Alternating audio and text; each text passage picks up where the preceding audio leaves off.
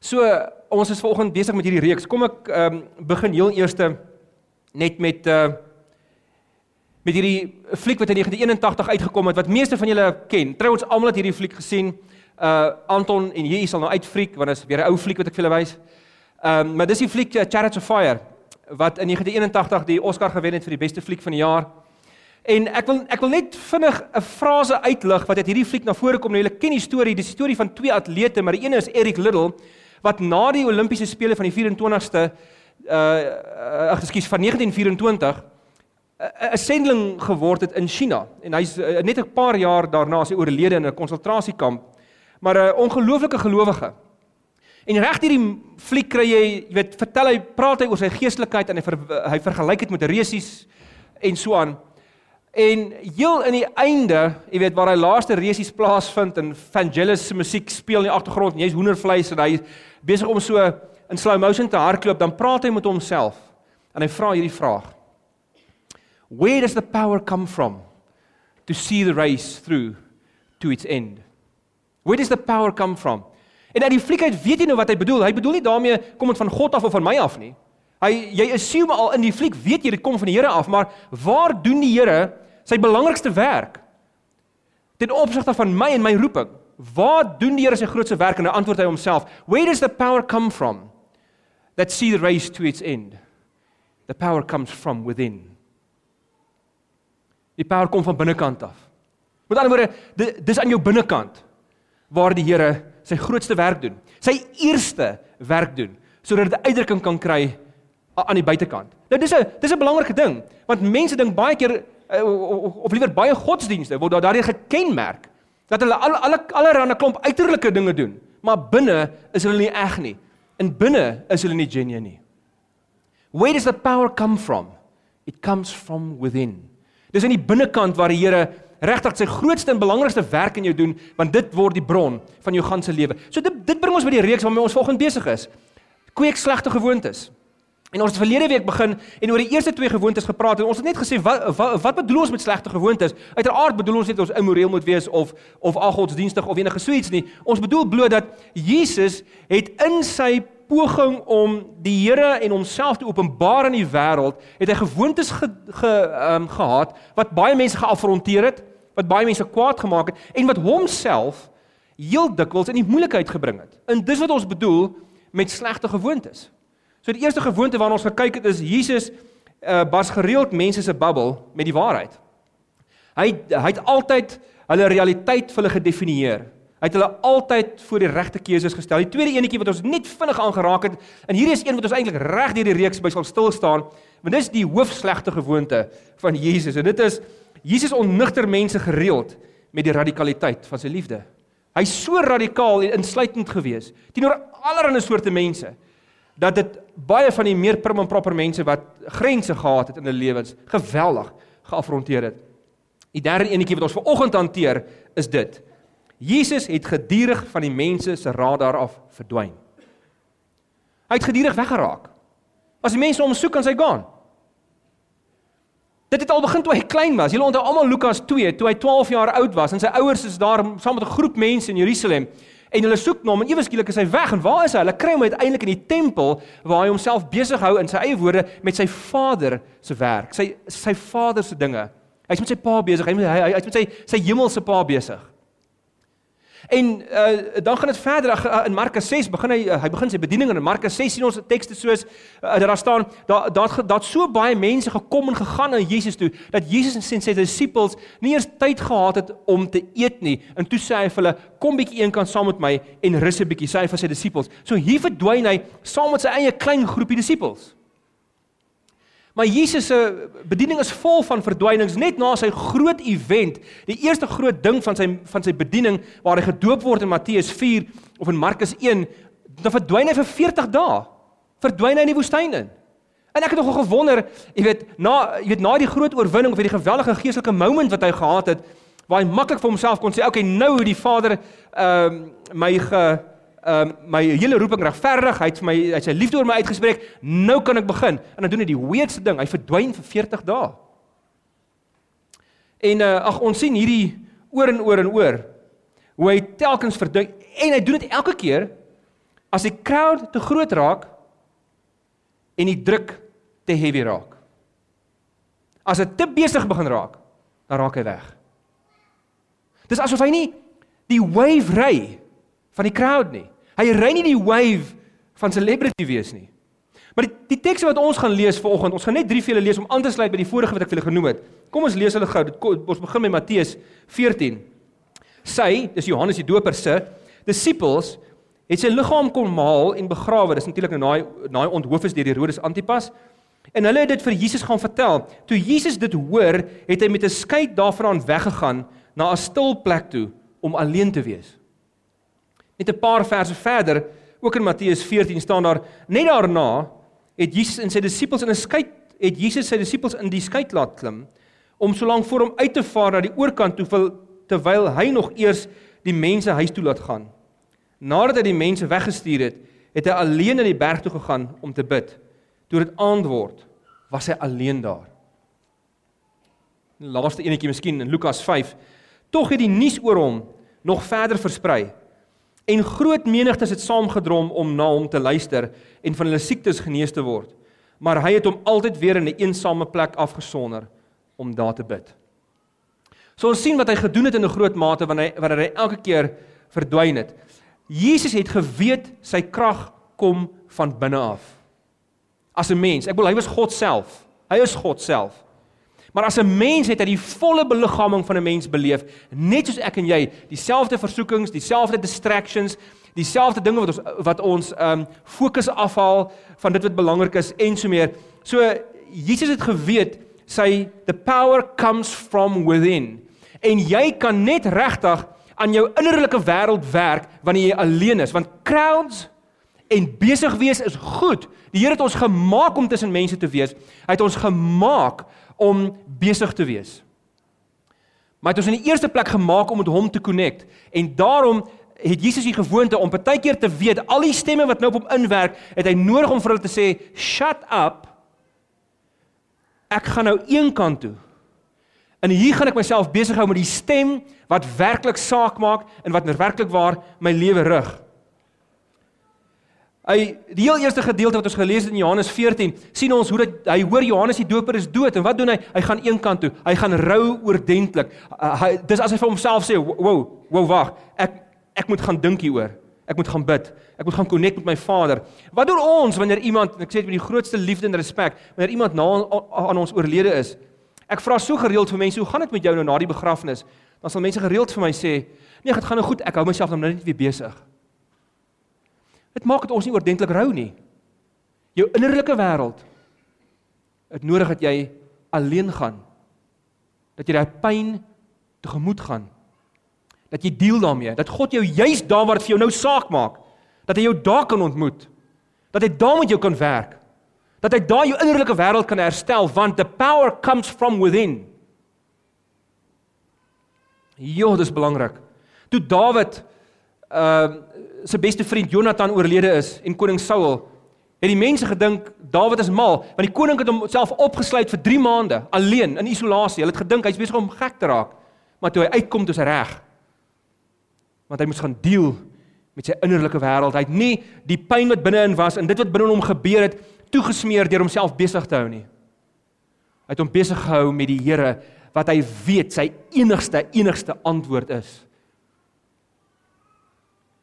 So Jesus het verdwyn die hele tyd. Crowds is goed, maar dit trek jou innerlike wêreld skeef. Besig wees is goed. Die Here het ons gemaak om hard te werk. Maar dit trek ons innerlike wêreld skeef en daarom kan ons net regtig hard werk en net regtig besig wees as ons gereeld tot sien sê vir die crowd. As ons gereeld die mense om ons laat vra, Waar waar waar's Rudolf? Waar het hy verdwyn? Thank you very much. Julle is nice, maar ek is nou hier besig. Ek is met die Here besig. En ek wil hê hy moet met my besig wees. Hierdie is 'n slegte gewoonte van Jesus want mense het hom gemis. Hulle het gewonder waar hy is. Maar laat ek vir jou sê as ons nie vir die crowds kan nee sê nie. As ons nie vir al die stemme wat ons hoor kan sê bly nou stil. Ek het nou behoefte na net een stem. En om met net een persoon te praat. Dat ons nooit perspektief hê nie. Die ergste is, ons sal vir onsself jok. Ons sal dink ons het perspektief. Ons sal dink ons is oukei, okay, maar jy gaan nie wees nie. Jou besluite gaan dit wys, jou verhoudingswêreld gaan dit wys. Jou karakter gaan dit wys. Daarom kan jy jou mense om jou en die wêreld en die land slegs dien as jy vir daai einste wêreld sê ek wy nou. Ek gaan nou praat met en luister na die enigste stem wat saak maak, wat my kan bemoedig, wat my kan rigting gee, die enigste stem wat my fokus kan terugbring, die enigste stem wat my kan help om my drake dood te maak, die enigste stem wat my sondes kan ontmasker wat ek nie eens van bewus is nie, die enigste stem wat my leuns kan ontbloot, die enigste stem wat my kan bevry van vrees en jaloesie, Die enigste stem wat my denke kan rig, die enigste stem wat my self-deception kan stop en bo alles my kan leer hoe om met gebroke sondige mense en onvolmaakte mense saam te leef en hulle lief te hê. Jesus het geweet die ding, die iets wat hom rig is sy verhouding met die Vader. Daarom het hy verdwyn. Daarom het hy baie keer pad gegee.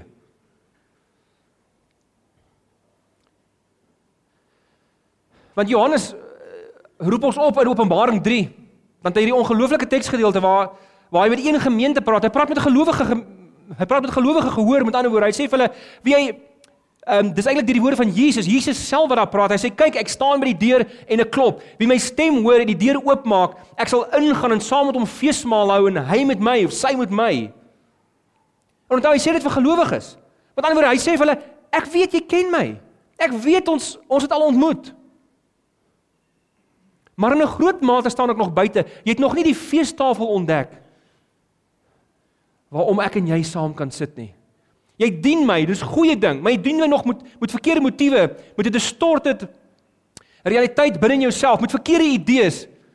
Maar laat my toe om in te kom, laat my toe om dieper saam met jou te journey, laat my toe om om jou om jou hele hart te capture. Help my, laat my toe om vir jou alles te wees en jy sal ontdek Daar's 'n feestafel en hierdie feestafel beteken nie alles gaan met jou goed gaan nie. Dit beteken net jou perspektief sal radikaal verander. So afsondering en gebed connect jou met die ultimate realiteit. Jou primêre fokus in jou lewe as jy Jesus se se slegte gewoontes volg, met ander woorde, is nie in die eerste plek produksie nie. Dis verhouding. En dit maak jou produktief. Op die beste manier van produktief wees. Die Here sê hierdie goed vir ons, ja, ons moet gehoorsaam wees. Hy sê koning, ons moet dit doen. Maar hy sê dit vir ons eie beswil. In Johannes 15 dan sê ek noem hulle nie meer ondergeskiktes nie, ek noem hulle vriende. Want ondergeskiktes weet nie wat die baas regtig wil doen nie. Die baas loop met sy eie agenda, hy loop met die kaart teen sy bors. Maar julle weet wat my agenda is. Ek wil julle lief hê. Ek wil die beste vir julle hê. Ek wil julle moet vrug dra. Ek wil hê jy moet die beste wees wat jy kan wees. Daarom noem ek jou vriende want wat ons kan intiem wees met mekaar. Wow, en ehm um, daar's soveel vo voordele hier van een van die knockout punches wat ek 'n hele paar jaar terug gelees het. Is 'n boek deur Bob Sitze oor neurowetenskap, maar spesifiek wat die impak is van spiritualiteit, van van geestelikheid op jou brein en wat die impak van jou brein is op jou verhouding met die Here. En as die mees ongelooflike goed, hierdie hierdie is navorsing wat um wat wydwyd bekend is, dat wanneer jy gereeld bid en mediteer en jouself afsonder, soos dit Psalm 1 sê jy moet doen, dan bring dit jou bloeddruk af. Dit stabiliseer jou harttempo. Dit verlig jou stres. Dit bou jou immuunstelsel op. En dit werk selfs cholesterol te. So hoekom luister ons nie? Geen wonder Jesus het vir die crowds gesê totsiens, Kobai, shut up, ek waai nou.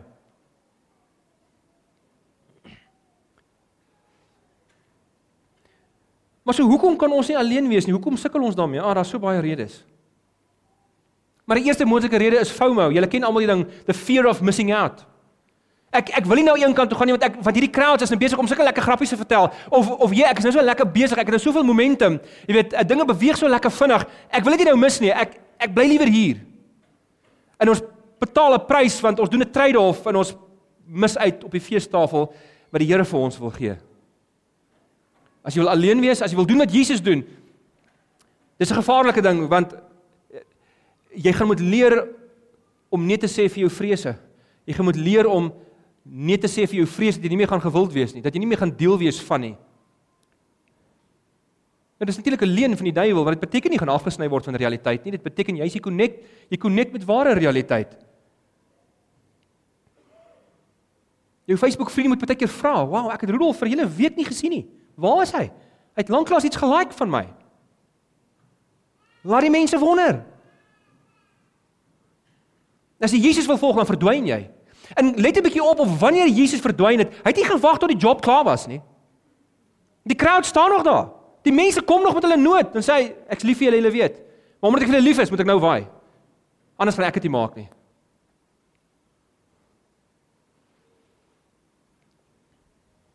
The fear of missing out. Help vra die Here om jou courageous te maak. Vra hom om jou dapper te maak. En oefen om klaar te kom sonder die regverdiging en die erkenning van mense die hele tyd. Daar's 'n tweede rede, baie keer is dit net dis net verslawing en ek wonder of dit nie die grootste rede is nie. Ons is verslaaf aan besig wees. Ons is verslaaf aan distractions. Ons is verslaaf aan sosiale media. Ons moet fiks kry. En daarom kry ons onttrekkingssimptome. Mense sê dit vir my, "Rolf, ek kan nie alleen wees nie." Ek weet jy kan nie, dis onttrekkingssimptome. Dit is soos 'n druggie wat gerehabiliteer word. Jy is so 2 minute alleen en kan nie meer hou nie, dan gaan jy maar terug na jou weed toe. Of na jou inspuitingkie. Weed is nie so erg nie. Maar die enigste manier om jouself te leer om dit te doen is om deur daai versla daai daai daai ehm um, onttrekking te gaan. En jouself te leer elke dag. Al is dit 'n paar minute. Gaan sit alleen, doen niks. 'n Derde rede is baie sielkundig. Party mense het sielkundige probleme wat hulle nie uitgesort het nie. Hulle kan hulle self nie face nie. Hulle loop saam met pyn of skuldgevoelens of of enige van 'n soort van nonsens, 'n hurt, 'n hang up of 'n habit waarmee jy nog nie gedeel het nie.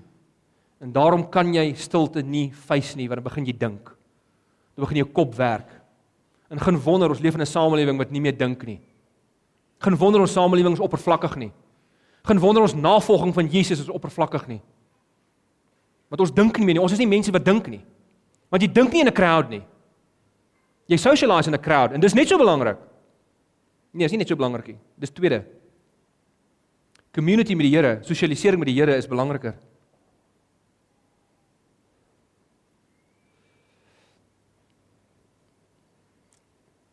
So hierdie is die gewoonte. Hier is die praktiese implikasie vir die gewoonte. Ons moet leer om alleen te wees en ons moet leer om te bid. Die nuutste, nee, is nie nuutste nie. Um 'n Bana studie so 'n paar jaar terug aangetoon het die gemiddelde Amerikaanse dominee bid 5 minute per week. Wie skerry is dit? As Oosterlikse dominees 5 minute 'n week bid, julle moet weghardloop. Julle moet nooit weer terugkom nie. Want ons is besig om julle te mislei. As dit die geval is. Maar mense sê vir my baie keer Rudolf, maar ek is so ek weet nie altyd hoe om te bid nie. Ek is ek is onseker hoe om te bid. Dis oukei. Okay. Richard Foster sê pray as you can, not as you can't. En en, en as jy baie mooi rabbiniese storie die hulle praat van Hasidiese rabbies in die tyd van Jesus tot en met die 4de eeu. Vertel hulle hierdie mooi storie van hierdie Joodse seentjie wat op 'n dorp saam met sy pa, ekskuus, in 'n um, op 'n plaas, 'n geïsoleerde plaas gebrei het en groot geword het saam met sy pa, heeltemal geïsoleerd van die res van die wêreld. En eendag kom hy in 'n dorpie in en hy kom in die sinagoge in en hy hoor hoe al hoe, hoe die Joodse mense bid. En hy so aangegryp deur hierdie gebede wat hy hoor, maar hy kan nie saam bid nie, want hy kan die die Joodse dokument, die die die gebedsboek van die Jode kan hy nie lees nie. Nou wil wat doen hy? Hy begin die Arameese of Hebreëse alfabet opsê. Hy maak sy oë toe en hy bid, maar al wat hy bid is Alef Bet Gimel Dalet A B C D E F G H I J K L M N. En hy sê vir die Here, Here, ek weet nie hoe om te bid nie. vat u asseblief hierdie letters en organiseer dit self. Maar ek wil net naby u wees. Dit is so 'n betekenisvolle storie. Dis waarom Jesus sê in Matteus 6 Moenie dink dat om net vir Here dinge te vra so belangrik nie. Hy sê julle Vader weet wat julle nodig het nog voor julle dit van hom vra. So wat is die punt van gebed dan? As ek iets kan vra nie, die punt van gebed is om by die Here te wees. Om in stilte te wees om toe te laat dat hy met jou innerlike wêreld werk. Weet, daar's die mooiste studies nou gedoen oor die rol van spiritualiteit en stilte. Wat sê, weet jy al as jy deur tye gaan wat jy nie kan bid nie, weens een of ander weens ongeloof of weens trauma wat uh, tot jou wat met jou gebeur het of iets wat met jou plaas gevind het, moenie worry nie. Gaan sit net stil 20 minute elke dag. Maak jy oë toe en en en sit net stil. Stilte genees jou. Die Here werk selfs in stilte. Trouwens, daar's die oulikste stories van ateïste wat dit begin doen het. En wat in daai stiltes begin beleef dat God met hulle werk. En wat vandag glo. Die een nou sê na ehm um, na 3 maande uh, jy weet na na nee, ekskuus, ek jok, na 10 dae se oefening in in um, net so in die buitewyke van Londen. Ehm um, sê vir die verslaggewer, ek ek gaan 'n weer ding sê. Maar ek dink die eendag toe ek in die woud stap, toe Jesus saam met my gestap. Dis die ateïs wat dit sê. Die interviewer vra vir hom, "So do you think that Jesus really walked with you?" En die ateïs hy sê so, hy dink so 'n bietjie hy sê, "Yes. I think he really walked with me." Stilte. Afsondering. Julle kan uh, terloops die storie wat ek nou vertel het uh, van die ateïs, julle kan daai op BBC het 'n program daaroor, 3 episode. Um The Big Silence is die reeks se naam. Knockout Punch. Gaan kyk, ek ek, ek dink jy sal dit kan kry op YouTube. The Big Silence.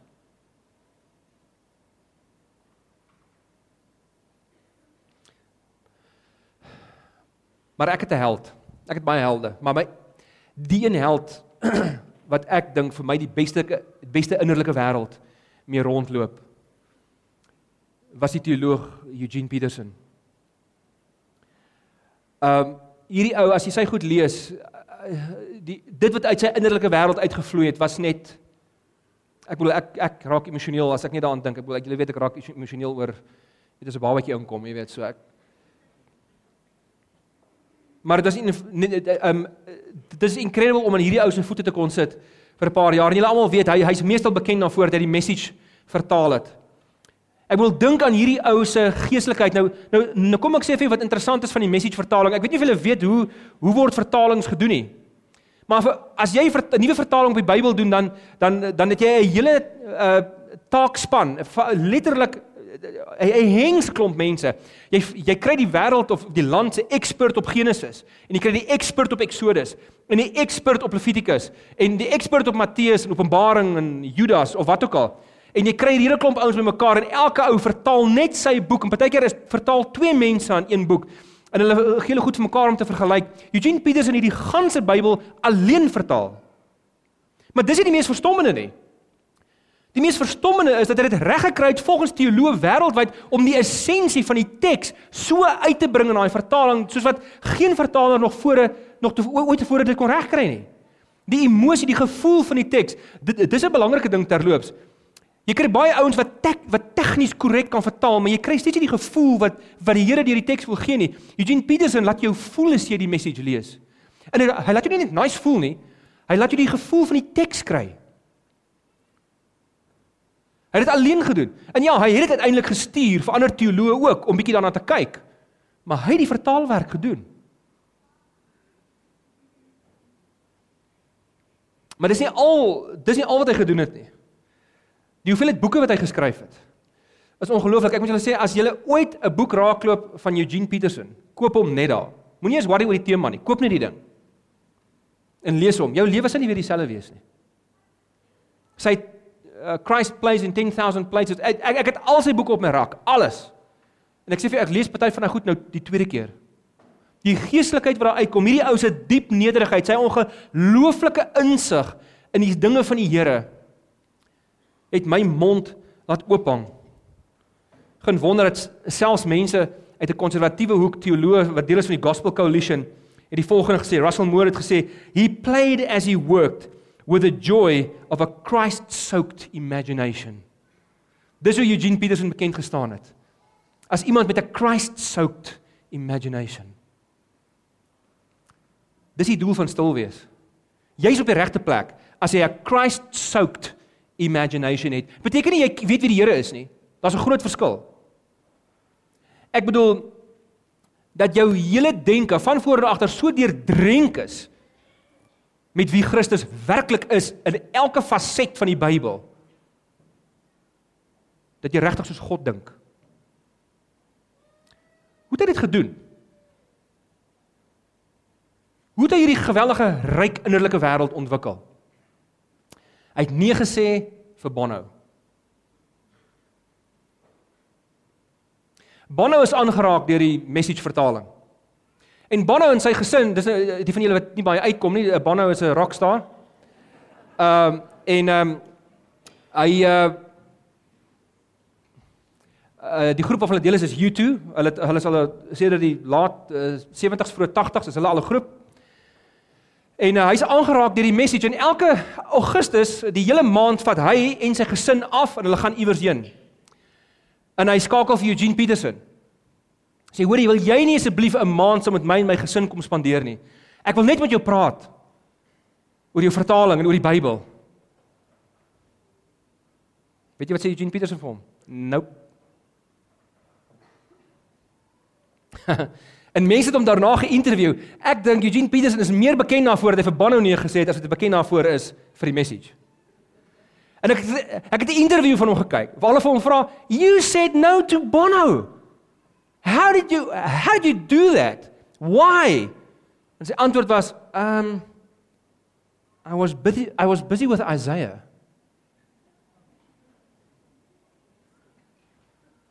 Bono reguleer nie my lewe nie. Die crowds reguleer nie my lewe nie. Ek weet wie ek is. Hy het genoeg stilte gehad. Hy's bekend daarvoor, Eugene Peterson is bekend daarvoor dat hy nie 'n selfoon gehad het nie. Dat hy nie e-mail gehad het nie.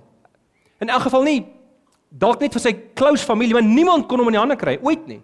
Tensy hy in die hande gekry wou word nie. Daar word vertel dat nou en dan wanneer hy so 'n bietjie uit sy grot uitkruip en wanneer hy ehm um, by konferensie optree. Uh een van my goeie vriende Stefan Joubert was eendag by 'n konferensie waar Eugene Peterson opgetree het. Dan sê elke keer as die spreker klaar gepraat en 'n storm die crowd vorentoe en hulle praat met die ou en hulle interact met hom, toe Eugene Peterson klaar gepraat het, toe verdwyn dit weg, poef. Niemand weet waar hy is nie. Toe kry hulle maar daar daar iewers in 'n hoekie, die organiseerders, sit hy daar in 'n kamer alleen om sy eie met een persoon in gesels. Dink as die ou wat skoon gemaak het. Dan vra hom, "Waar is jy?" Hy sê vir hulle, "I'm not a celebrity, please don't treat me as one." Hy kon nee sê vir die stem van die wêreld. En daarom sê Sarah Habassi, I'm grateful we walked the earth while Eugene Peterson was alive.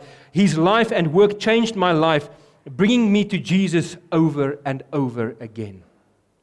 Uiteindelik het Eugene Peterson ook gesê, hy het gesê a changed world begins with us and a changed us begins when we pray. The first step toward God is a step away from the rest of the world. How can I lead people into a quiet place beside still waters if I am in constant motion? En op 22 Oktober 2018 verlede jaar toe sy Jean Peterson oorlede. En sy familie sê vir ons dat hy op sy sterfbed gelê het in die hospitaal, hy was 'n week in die hospitaal. Was van sy laaste woorde eenvoudig: Let's go.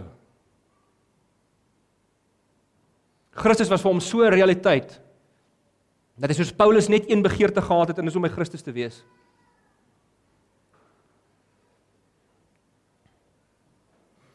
Maar Bono het hom toe uiteindelik sy moment saam met Eugene Peterson gehad.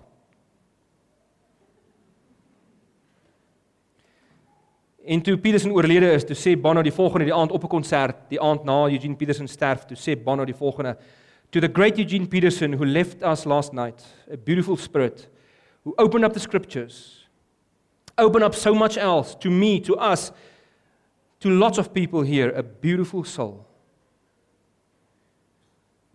Die Here is nie Eugene Peterson het verstaan, die Here is nie agter die werk aan nie in die eerste plek nie.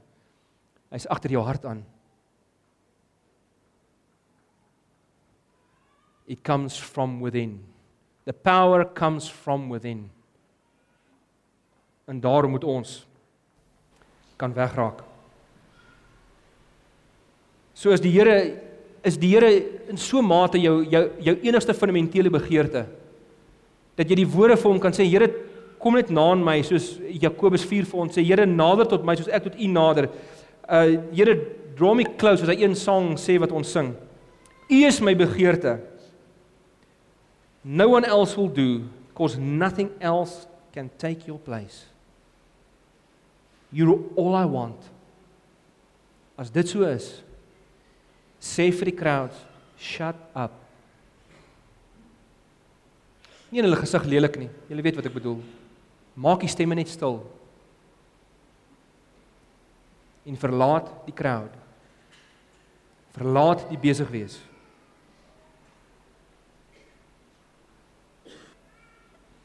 So ek dink kom ons sit net so in 'n paar oomblikke van stilte. Kom ons dink net. As jy met die Here wil praat, hy's hier. Miskien ontduik jy hom vir jare. Of dalk vir 'n maand of 'n ruk. Sien dat jy hom nie ken nie of nie meer vir hom lief is nie. Maar jy het hom net verloor iewers op sy pad. Kom net terug huis toe. Hy wag vir jou.